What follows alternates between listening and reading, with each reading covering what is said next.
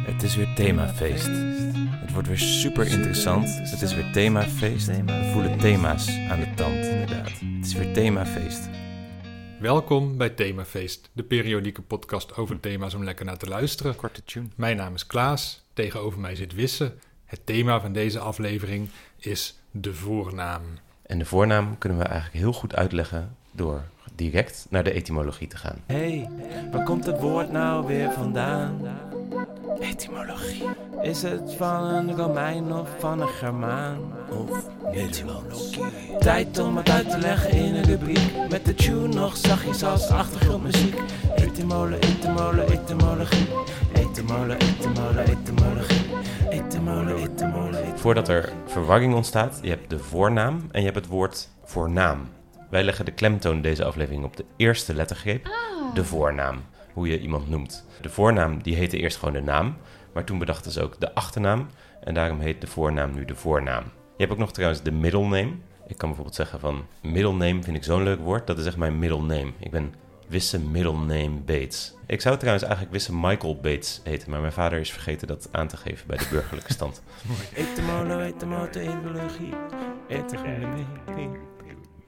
We maken deze aflevering omdat we een brief hebben gekregen, toch? Ja, Van wie was die brief? gaan we nu dan naar de brievenrubriek? Eh, ja, wil je er een officieel moment van maken? Ja, lijkt me wel leuk. Oké. Stuurt toch af en toe eens iemand een brief. Die gleuvende deur van je beste vriend, die zit daar niet voor niks. Dit is de brievenrubriek, brievenrubriek. We kregen een brief van Sarah. Ik zal haar achternaam niet noemen, want dat is niet relevant in deze aflevering. En die vroeg, op verzoek van een namenzoekende vriendin, voornamen, uitroepteken. Dat was niet eens echt een vraag. Nee. Maar dat was een reactie op een keer dat wij gingen zeggen dat je mocht stemmen op welk thema we wilden doen. Daar werd, er kwam toen groetjes uit, ons vorige thema. Dat is een leuke aflevering, hè? Ja, zeker. Ik vond het ook een goede volgorde, omdat je heel vaak zegt groetjes, huppeldepup. En dan zeg je altijd je voornaam.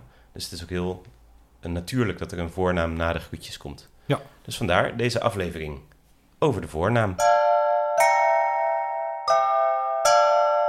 Vaak leggen we de geschiedenis uit van thema's die we behandelen, maar dat is geen rubriek. Nee, niet alles is een rubriek. Nee, dat is gewoon een stuk podcast. De geschiedenis. Ja, zoals een achternaam heeft natuurlijk een wat duidelijkere geschiedenis. Die kent iedereen volgens mij. Dat eh, Napoleon op een gegeven moment eh, aan de slag ging. Vooral in Nederland natuurlijk. Er waren al wel landen waar er al achternamen waren, maar in Nederland was dat nog niet verplicht. Toen kwam Napoleon eraan, die zei iedereen moet een achternaam. De tragiek is natuurlijk dat Napoleon zelf bekend is geworden onder zijn voornaam Napoleon. Oh, oh, Napoleon. Wow, Napoleon. Gaat het eigenlijk wel goed met jou? Met die malle gekke hoed van jou zit jij niet al veel te lang op je paard. Maar de geschiedenis van de Nederlandse voornaam, die kan je in drie, nee, in vier periodes opdelen. Namelijk de Germaanse tijd, nog voor de middeleeuwen. Toen werden alle namen hier, eh, die kwamen uit het Germaans. Bijvoorbeeld Hadewig of Hildegard. Zo had ik eigenlijk ook wel willen heten. Een mooie naam, ja. Ja. Everhard toch ook? Ja, ja, vind ik ook een mooie naam. En in de middeleeuwen werd het steeds eh, gebruikelijker om dan heiligen te gebruiken als voornaam. Dus bijvoorbeeld Petrus of Johannes of Nicolaas. Dus dat, dat was een grote verandering. Dan ging je van Hadewig naar Petrus. Maar daarna bleef het een tijd juist heel erg stabiel. Omdat de naamgeving heel erg van eh, ouders op kinderen doorging. Dus je kreeg gewoon dezelfde naam van je als dat je familieleden al hadden. Dus een soort vernoemingsgewoonte noemden ze dat. Dat was dan ook nog zo dat je, dat je het geslacht eh, kon omdraaien van zo'n naam. Dus als je Ruurt heette, zoals ja, je graag heet, dan kan je, als je een vrouw bent, kan je er bijvoorbeeld Ruurtje van maken. Dat kon ook andersom. Eh, een beetje met A's en O's spelen en dat soort dingen. Dus toen heette eigenlijk eh, iedereen heel constant. Was er weinig evolutie in. En pas na de Tweede was toch ook, Wereldoorlog... sorry dat ik je Ja. onderbreek, dat, dat er een heel eh, systeem was van dat het eerste kind heette dan naar de vader van de vader of zo. En dan het tweede kind naar Ja. de vader van de moeder. En, Ja, klopt. Ja, eigenlijk was het inderdaad zo dat het eerste kind vaak dan... Als het een jongen was, werd hij naar de vader vernoemd. En als het een meisje was, naar de moeder vernoemd. En de tweede, nou, dan naar die andere. En dan kon je dus ook de, de, die geslachten ombouwen. En dan eh, de opa's en oma's en dan de ooms en de tantes. Dus eh, ja, weinig creativiteit was dat. wel makkelijk. Wel makkelijk, ja. Hoef je er niet over na te denken. Nee. Dan hoef je ook niet een podcast te luisteren over voornamen als je een kind krijgt. Hoe had jij dan geheten? Als ik naar mijn vader genoemd was, wat ik trouwens ook ben, maar dat is niet mijn roepnaam, heette, zou ik Willem hebben geheten. Oh ja. En als ik naar mijn eh, moeder vernoemd was. Die heet Margje. Tenminste, dat is haar officiële naam. Hmm. eigenlijk Margot. Tenminste, dat is dan weer haar roepnaam. Dat is weer een onderscheid. Ja. Dus dan had ik waarschijnlijk Margio geheten. Nou ja, Klaas is ook leuk, toch? Ja, zeker. Jouw naam is Klaas. En na de oorlog toen eh, lieten we dat weer een beetje los. Toen kwam er weer een soort schot in de zaak. Ja, die zei... Hey, can I have one beer, please? Precies. Dus je kreeg veel meer Engelse eh, namen ook, of Schotse namen, maar ook Amerikaanse namen. Eh, die waaiden allemaal over. En toen vond iedereen het juist weer leuk om hele originele namen te bedenken. Zoals Wisse, noemen ze een moderne naam. Daisy. Toen eh, zat er weer heel veel variatie in. Nu is er denk ik wel meer variatie in namen dan ooit in Nederland. Omdat het al die vorige dingen die mogen nog. Je mag nog Everhard heten. Je mag ook Petrus heten. Maar je mag ook Daisy heten. Maar alsnog zijn er veel minder voornamen. Of is in ieder geval de variatie in voornamen veel kleiner dan in achternamen. Dus als je twee willekeurige mensen van de straat pikt, is de kans dat ze dezelfde voornaam hebben een stuk groter dan de kans dat ze dezelfde achternaam hebben. Ja, dat zou ik eigenlijk niet eh, geweten hebben als ik niet Themafeest had geluisterd. Nou, en dan dus naar de meer recente geschiedenis. Jij hebt weer eens onderzoek gedaan, hè? Ja, ja. Jij bent gaan kijken naar hoe bekende mensen beroemd zijn. Eh, je had in 1999 een baanbrekend televisieprogramma, dat heette Big Brother. En daar deden allemaal mensen aan mee, die heten Bart en Willem en Ruud, dat waren de bekendste. Ja. En die waren alleen bekend met hun voornaam. Hun achternaam werd eigenlijk nooit genoemd. En ik luisterde toen een keer naar de radio. En toen was er een boze man. En die vond het echt belachelijk dat we die mensen alleen maar Bart en Ruud en Willem noemden. Hm. Dat we niet hun achternaam kenden. Hm. En dat heb ik zo onthouden. En toen dacht ik dat, dat, dat is een soort kentering of zo in de geschiedenis. En ik heb daar dus inderdaad onderzoek naar gedaan. Ja. Onder andere heb ik allemaal radioprogramma's bekeken. En daar had je inderdaad vroeger Wacht even. ja, dat gek, hè? Ja. Ik heb de, de namen van radioprogramma's bekeken. Oké. En zeg maar, tot ongeveer de millenniumwisseling had je daar bijvoorbeeld Jeroen van Inkel. Die had dan een programma dat heette... Rinkel de Kinkel. Met Jeroen van Inkel. Ja. En je had eh, Edwin Evers, die had Evers staat op, of Evers in het wild. Ja. En eigenlijk na de millenniumwisseling zijn al die radioprogramma's naar de voornaam van de DJ gaan heten. Dus had je de Koen en Sander Show Ja. bijvoorbeeld. En Giel Belen, een hele bekende ex-radio-dj geloof ik inmiddels... die had ook zijn allereerste programma, dat heette Belen voor je bek. En dat was in 2000. En toen daarna heeft hij dus alleen nog maar programma's gehad... dat heette dan Giga Giel en Ja. Hart en Giel, Nachtegiel... en uiteindelijk zelfs gewoon Giel. En dat zie je nu nog steeds op, op eh, populaire radiozenders... dat heel veel programma's, zeker van iets bekendere DJ's... Ja. Mats Dat- en ja. Wietse. zo. Ja, zoiets. Ja. Mattie en Wiets had je toen Oh ja. inderdaad op Q. Q-Music. Dus daar zie je heel duidelijk dat eh, bekende mensen alleen hun voornaam gebruiken. Ja. Eh, wat ook wel weer lastig is, want als je dezelfde voornaam hebt als iemand anders... dan moet jij dus de allerbekendste zijn. Anders Ja. dan is het onduidelijk over wie het gaat. Ja. Nou, dan wil ik zo'nzelfde verhaal vertellen, maar dan over de muziek. Ik was in januari op Noorderslag in Mhm. Groningen. Ja. Dat is altijd een festival waarin dan de Nederlandse nieuwe artiesten of iets oudere artiesten, die worden dan zeg maar voorgesteld aan eh, de mensen uit de muziekwereld, de Mhm. programmeurs van festivals en zo, zodat ze kunnen kijken wat ze moeten boeken. Ja. Nou, daar viel mij op, daar stond op het podium, hou je vast, Joost, Mhm. Amina, Babs, Bente, Claude, Naomi, Pitu en Rufaida. Die treden dus alleen op met hun voornaam. Dat is hun artiestennaam. Je hebt natuurlijk ook nog Maan en Vrouwtje, hele grote namen tegenwoordig in de muziek. Toen ging ik kijken hoe dat tien jaar geleden was. En toen was dat eigenlijk een zeer eh, zeldzaam verschijnsel. Ja, ik herinner me bijvoorbeeld Acta en de Munnik. Of eh, Veldhuis en Kemper, volgens mij. Ja, precies. En nu heb je Suzanne en Freek. En het kwam natuurlijk wel af en toe voor dat er eh, voornamen gebruikt werden. Maar het is nu veel normaler. Dus ook eigenlijk des te belangrijker hoe, hoe je je kind nu noemt. Je familienaam heb je niks meer aan. Dat houdt niks hoog. Nee, het is dus best wel knap dat bijvoorbeeld iemand als Joost, wat een heel veel voorkomende naam is, Joost Klein heet hij eigenlijk, Ja. dat hij dus echt die voornaam Joost geclaimd heeft. Dat is ook wel lullig voor alle andere Joosten. Ja, Bijvoorbeeld Joost Omen, dat is een schrijver. Ik zie een boek van hem in jouw kast eh, liggen. ja klopt. Ja. Eh, Joost de Vries is ook een schrijver. Maar die Ja. moeten echt een achternaam erbij gebruiken, anders dan denken ze dat het over die muzikant gaat. ja. Trouwens, over die Joost gesproken. Of wil je nog door op dit thema? Ja, een beetje Ja. misschien. Maar je mag wel even een Ja, een Joostje tussendoor. Ja. Nou, de uitdrukking, die ken je vast van Joost mag het weten. Ik dacht eventjes kijken van welke Joost dat eigenlijk is. Weet je dat? Nee, geen idee. Nou, dat blijkt dus een Javaanse uitdrukking te zijn. Die Joost, dat was eigenlijk een, een godheid die eigenlijk de duivel was. Dus eigenlijk is het de duivel mag het weten. En wij hebben dat Joost verstaan van, oh, dus ze zullen wel Joost bedoelen. Ja, zo waren wij. Maar er zijn dus heel veel uitdrukkingen met voornamen. Want je hebt ook het nieuwsgierig Aagje en de brave Hendrik en de Jan en Alleman en de ongelovige Thomas. En de oude Klaas. Zo is het. Maar goed, jij was nog bezig over de popularisering van de voornaambenoeming. Nou, ik zat een beetje te denken, wanneer hebben we het nou over iemand alleen met zijn voornaam en wanneer noemen we, hebben we zijn achternaam erbij of haar achternaam erbij? Mhm. Dus ik zat ook een beetje naar de politiek te kijken. Daar heb je natuurlijk Sylvana, die Ja. eigenlijk altijd Sylvana genoemd wordt. Maar dat komt denk ik ook omdat zij vroeger bekend was onder de naam Sylvana toen zij op TMF VJ was. Ja. Daar had je ook dat iedereen met zijn voornaam eh, Mhm. in beeld kwam. ja. Eh, maar je hebt ook Caroline, dus Caroline van der Plas, die wordt toch heel Ja. vaak Caroline genoemd. En Thierry Baudet en Geert Wilders worden ook best vaak met hun voornaam aangeduid. Terwijl Mark Rutte eigenlijk bijna nooit Mark genoemd wordt. Maar Wopke Hoekstra dan wel weer Wopke. Dus ik heb nu een theorietje Ja, en die wil ik even op jou toetsen. oké.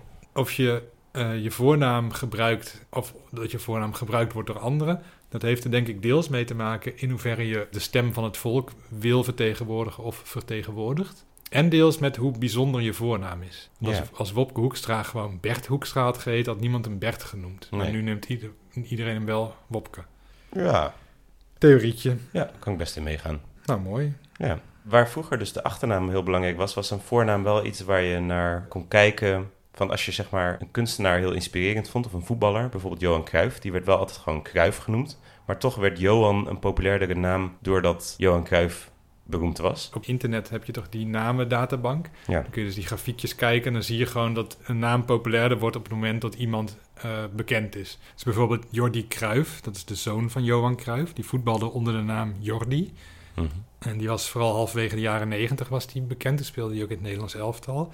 En als je die grafiek erbij pakt, dan zie je echt een ontzettende piek eh, in die jaren dat hij eh, als voetballer actief was. Hm. Dat is eh, één voorbeeldje, maar eigenlijk kun je dat bij bijna elke willekeurige naam doen. Zeker als er geen nadelen aan kleven. Bijvoorbeeld iemand die Vanessa heet. Dat was eigenlijk een naam die net heel populair aan het worden was. Totdat zij dus eh, nou ja, als, als echt een sekssymbool op tv kwam. En toen dachten mensen, ja, zo ga ik mijn baby toch niet noemen. Ja, ja. Dus die naam is echt extreem gekelderd juist door haar.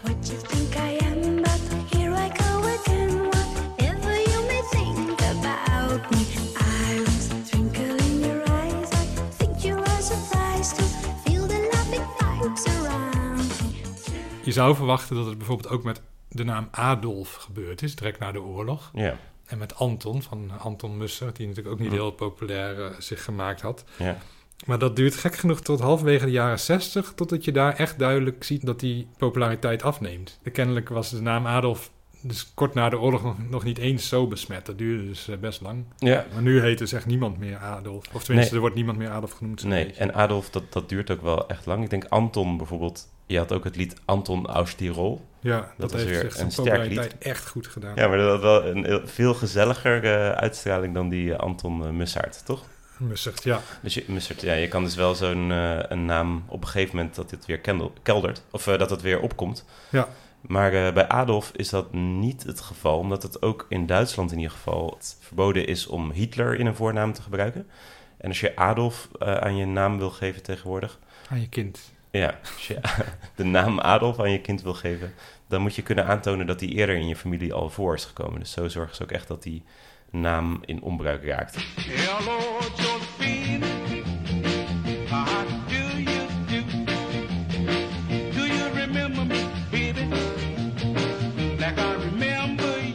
Wat je tegenwoordig hebt, dat weten jonge ouders waarschijnlijk en mensen die eh, binnenkort een kind verwachten. Je hebt een soort, dat heet, noemen ze altijd dan Tinder voor voornamen. Mhm. Waarbij je dus als eh, partners eh, door voornamen kunt swipen en dan kunt zeggen, oh, dit lijkt me wat en dit lijkt me niks. Als je dus dan een match hebt, dan heb je dus op een gegeven moment een lijstje met namen die je allebei geliked hebt en dan kun je daaruit kiezen. Ja. Ik kan me voorstellen dat dat eh, het oplevert dat de namen wat eh, minder gewaagd worden.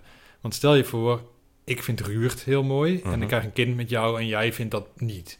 Mhm. Dat vind jij wel toevallig, maar Ja, stel jij vindt het niet. toevallig. Dan zou het dus geen match worden en dan zou ik denken, nou, dan maar geen Ruurt. Ja. Terwijl als we zeggen, nou, we noemen allebei drie namen en daar gaan we dan eens eventjes goed over discussiëren. Dan zou het best kunnen dat ik jou kan overtuigen van Ruurt. Ja. Dat jij er dan een paar nachtjes over slaapt en dat je dan uiteindelijk toch denkt, dat Ruud, het begint steeds meer te leven voor me. Dat Ja. kan, hè, dat je dat denkt. Ja. En op die manier krijg je dus namen die iets extremer zijn, dus die bepaalde mensen heel mooi vinden en andere mensen eigenlijk niet. En Ja. ik denk dus dat door dit getinde krijg je hele gemiddelde namen. Compromisnamen noemen ze dat, hè? Ja, compromisnamen, ja. Dat zou ik dus ook afraden, een compromisnaam. Ik zou zeggen, laat één persoon gewoon eh, beslissen. Eh, waar we ook nog misschien tips vandaan kunnen halen, is het buitenland.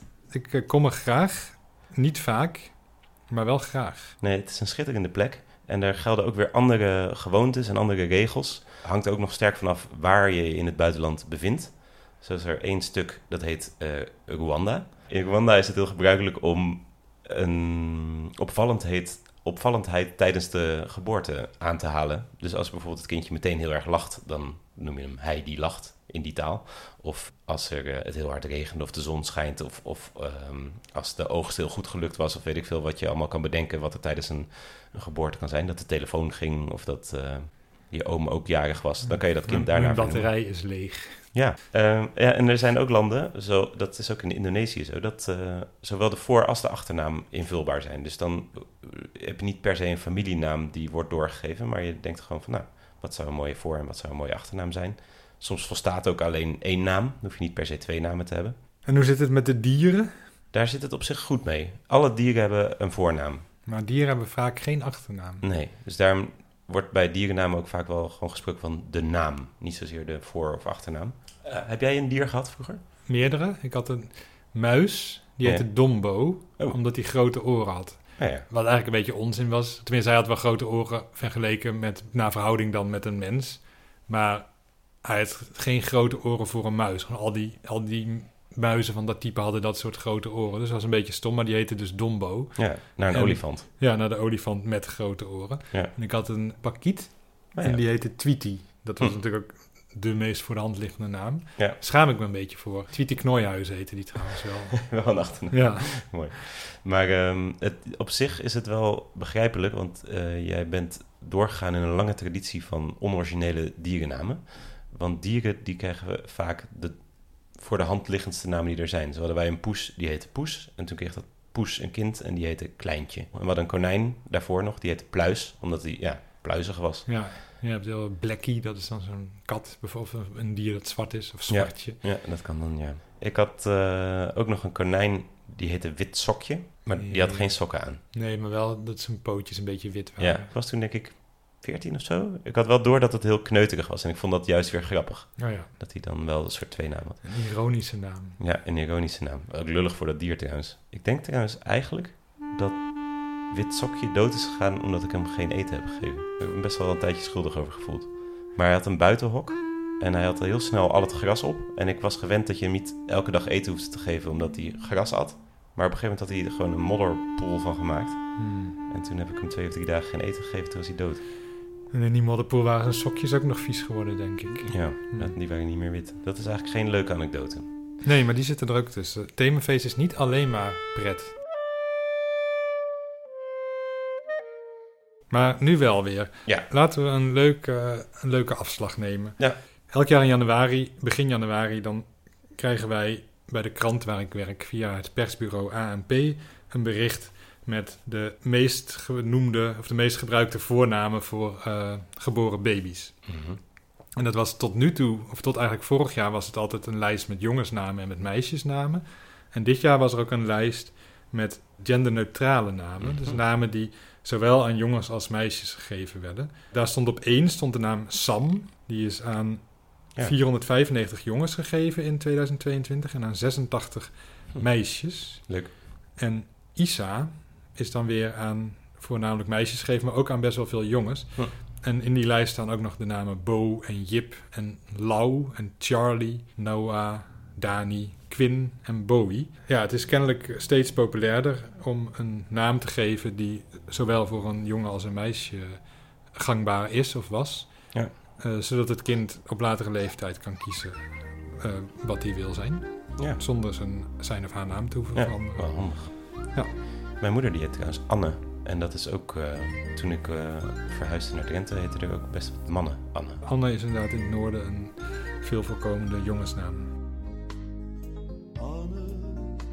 Er is natuurlijk heel veel onderzoek gedaan naar de correlatie tussen namen en sociale klassen. Mhm. Er zijn natuurlijk bijvoorbeeld bepaalde namen zoals Willemijn en Roderick, die worden voornamelijk in het gooi gegeven. Ja. En dan heb je andere namen zoals Kimberly en Rodney, die worden in wat we dan de lagere sociale klasse noemen gegeven. Hm. Dus als je dan zelf denkt van nou, we hebben het niet zo breed, we wonen met heel veel mensen op een kluitje en we moeten naar de voedselbank, laat ik mijn zoon Roderick noemen, dan heeft hij misschien kans dat hij CEO van Shell wordt. Ik zou zeggen van dat is een type van het lot dat je in je handen hebt. Maar aan de andere kant, waarom zou je liever CEO van Shell zijn dan eh, een beroep waar je minder geld verdient? Ja, nee, zeker. Het is ook, ik zou ook echt geen CEO van Shell willen zijn. Nee, ik zou ook geen Roderick willen heten. Nee, je naam maakt wel verschil, ook als je solliciteert bijvoorbeeld. Dat zie je Ja. met buitenlandse namen. Mensen die krijgen dan, Mhm. worden dan minder snel uitgenodigd. Je, je hebt dat natuurlijk sowieso in de, in de racistische sferen, dat bepaalde namen niet worden, of dat die minder worden gekozen. Ja. Het zou ook wel kunnen dat het ook binnen de oorspronkelijk Nederlandse namen ook zo is, ja. Ja, Interessant. Ja. ja. kan misschien een masterstudent op eh, afstuderen. Nou, dat zou goed zijn, ja. Ja. Ja, maar ik, ik vraag me sowieso af in hoeverre je je naar je naam gaat gedragen. Dus als je Jos genoemd wordt... Ja. En ik denk trouwens dat lang niet iedereen die associatie van koddige Hmm. figuur daarbij heeft. Maar Hmm. laten we even zeggen dat iedereen dat wel heeft. Ja. Dan vraag ik me dus af, als je altijd Jos genoemd wordt, dat je misschien door die klank of die connotatie met Ja. die naam, dan ook denkt van nou, ik slenter wel gewoon naar mijn moeder toe en ik ga niet eh, naar mijn moeder toe sprinten. Ja. Waardoor je ook echt een Jos wordt. ja, ik denk dat dat zo is, ja. Ja, ik denk dat ook, maar dat is, ik ben daar ook wel eens, want ik heb het wel eens ergens geponeerd en dan werd ik heel hard om uitgelachen. Oh. En toen later zei die vriend, nou laatst vertelde iemand aan mij en toen kwam dat verhaal, en toen was hij dus vergeten dat ik dat was. ging hij zeggen, dat was echt zo'n belachelijk verhaal. Oh, shit. Als je liedjes schrijft, zet je ook af en toe een persoon centraal. Dan is het wel leuk om die ook een naam te geven. Ja. En dat zijn ook altijd wel hele specifieke namen. Want dat moeten namen zijn die makkelijk te allitereren zijn of rijmen. Dus, Ik weet dat er heel veel mannen zijn. dus als je wil dat je eh, zoon of dochter wordt bezongen, dan moet je daar een beetje rekening mee houden. Dus Er zijn veel meer vrouwen die bezongen worden dan mannen. En daar zie je trouwens ook weer natuurlijk dat heel vaak alleen de voornaam gebruikt wordt. Dus je ziet bijna nooit dat iemand zegt... Suzanne van der Meer, ik vind je skeer. Dat is ook niet heel positief. Nee, maar je kan ook een diss track hebben. Ja, dat kan. Ja. Ja, ja. Nee, klopt. Dat is, eh, dus de voornaam is daarin ook heel, eh, heel belangrijk.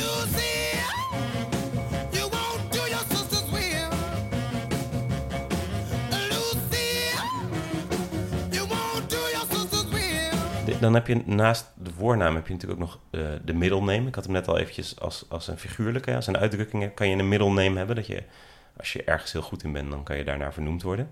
Maar heel veel mensen hebben ook gewoon twee voornamen. Heb jij er twee trouwens of niet? Drie zelfs. Kijk, Zou ik ze noemen, ja. Hè? Ja, Eh, Willem is eigenlijk mijn eerste oh ja. eh, naam in mijn paspoort. Harm, Nicolaas.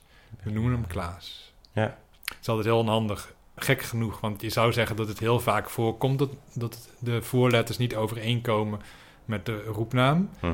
Maar ik heb echt zo vaak, als ik me dan ergens moet identificeren, dat ze zeggen, huh, maar hier staat WHN en je heet Klaas. Hoe kan dat nou weer? Dan lijkt het Ja. echt alsof ze zoiets nog nooit meegemaakt hebben. Terwijl als je een namencontroleur bent, dan zou je dat de hele tijd moeten hebben. ja, dat lijkt me ook. Er zijn dus ook mensen, dus in Amerika is het eigenlijk standaard. Daar heeft, dus ik heet gewoon Wisse Bates, maar dat, dat is daar niet mogelijk. Daar had ik bijvoorbeeld Wisse W. Bates geheten. En dan is het dus gebruikelijk om die, die middelname af te korten. Dus je hebt ook George W. Bush en John F. Kennedy. Maar een andere president die eruit springt is Ha- Harry S. Truman. Die ken jij ook. Maar het grappige is dat die S niet voor een naam staat. Ze hebben gewoon... dat- dit staat ook in je paspoort, zeg maar, die, die letter, niet de hele naam. En in zijn paspoort staat Harry S. Truman. En mensen die vroegen zich af, waar staat die S eigenlijk voor? Zeiden ja, niet echt. Ik had enerzijds eh, heette een familielid van hem eh, Anderson Ship Truman. En eh, een andere die heette Solomon Young. Dus hij had die S, dacht hij van, dat is wel een letter die ik erin wil hebben. Ja, of eigenlijk dachten zijn ouders dat natuurlijk. Ja, dus die S, die staat niet voor een naam. Nou, dat is ook wel cool. Ja, Kan natuurlijk ook gewoon. Dus dat is nog ook iets voor dan eh, als laatste tip misschien aan de vrienden van Sarah. Mhm. Bekijk het alfabet en kijk of daar misschien iets tussen zit. ja. Dan, Dan- heb je 26 eh, letters, misschien dat de R of zo eh, jullie aanspreekt. Dan noem je dat kind gewoon R. Helemaal geen gek idee. En als je dat een te korte naam vindt, kan ik me ook voorstellen, dan kan je dat dus als een tussennaam doen. En dat, dat staat wel heel mooi. En ik denk dat dat als artiest ook goed zou werken. Je hebt bijvoorbeeld Peter R. de Vries. Dat is dan niet per se een artiest, maar dat, dat vond ik wel altijd heel cool eh, klinken. Wim T. Schippers. Ja, nou, heel goed voorbeeld. Ja, denk je dat we nu genoeg eh, bagage hebben gegeven aan de mensen? Ik denk wel. Ik denk dat, ze, dat we het in zekere zin makkelijker hebben gemaakt. Mhm. Fijn. Omdat ze zoveel informatie hebben. Maar dat er dat misschien ook wel weer zoveel informatie is. Dat ze denken, poeh, eerst had ik helemaal geen ideeën. En nu heb ik zoveel ideeën. Misschien moeten we maar meerdere kinderen hopen te krijgen. En anders kun je altijd nog een huisdier nemen. Ja, dus dat, dat zal ik dan doen. En dan kun je die... Bijvoorbeeld als je nu twijfelt tussen meerdere namen... dan neem je bijvoorbeeld tien goudvissen... en dan geef je die allemaal eh, een naam. Of je gaat je planten namen geven. Dat kan natuurlijk ook nog. Ja, doe ik tandenborstel. Ja. Dus ja, er zijn heel veel mogelijkheden. En ik dacht ook, ik zal waarschijnlijk gaan afsluiten met een lied, denk ik, dat ik dan nu ga schrijven. Ja, leuk. Ehm, en dan kan je dus ook even wat namen testen eh, hoe ze klinken in een lied. Dus dat, dan zal ik gewoon veel namen in het lied opnemen. Ja, namen uit deze podcast. Ja, uit de podcast. Oké. En dan kan je kijken wat eh, lekker klinkt. Dan vraag ik jullie nog, voordat het lied klinkt, je te abonneren op onze podcast in de podcast-app. Dat helpt ons heel erg. En ik vind het ook leuk dat het getalletje dan steeds een beetje oploopt. Ja, want we zitten nu op eh, iTunes, hebben we nu 49 reviews. Ik zou wel 50 willen. Ik zou er wel 100 willen. Oh ja, oké, aan de slag. Aan tafel. Dit is Themafeest. Mijn naam is Wisse. Mijn naam is Klaas. Oei, je hebt een mens gemaakt. Nu moet je ook nog een naam bedenken, wat een gedoe. Wil jij een tip van mij? Ik heb er drie. Wil jij een kaas van mij? Ik heb een brie. Tip 1. Noem je kind Ruurt. Ruurt is prima. Ruurt is een naam. Tip 2. Noem je kind Sam. Sam rijmt op veel. Sam rijmt niet op het woord veel, maar wel op veel woorden. Zoals boomstam, boterham, vleugelam, beverdam, kam, tam, oksazepam. Oksazewat? Oksazepam. Kijk omhoog, Sam. Mm. Tip 3. Ha de wieg. Denk je soms, als je het bed van je kindje ziet. Het is ook een naam. Ha de wieg. Makkelijk onthouden. Prima. Ha de wieg. Of Hildegard. Of. Even hard. Kun je niet kiezen? Geef er dan twee. Met een tussenletter. Een N of een T. Suzanne en Freek. Mijn laatste tip, nog steeds tip 3. Als je houdt van kaas, probeer dan eens brie. Niet als naam, gewoon als kaas. Als naam doe je beter, Wisse of Klaas.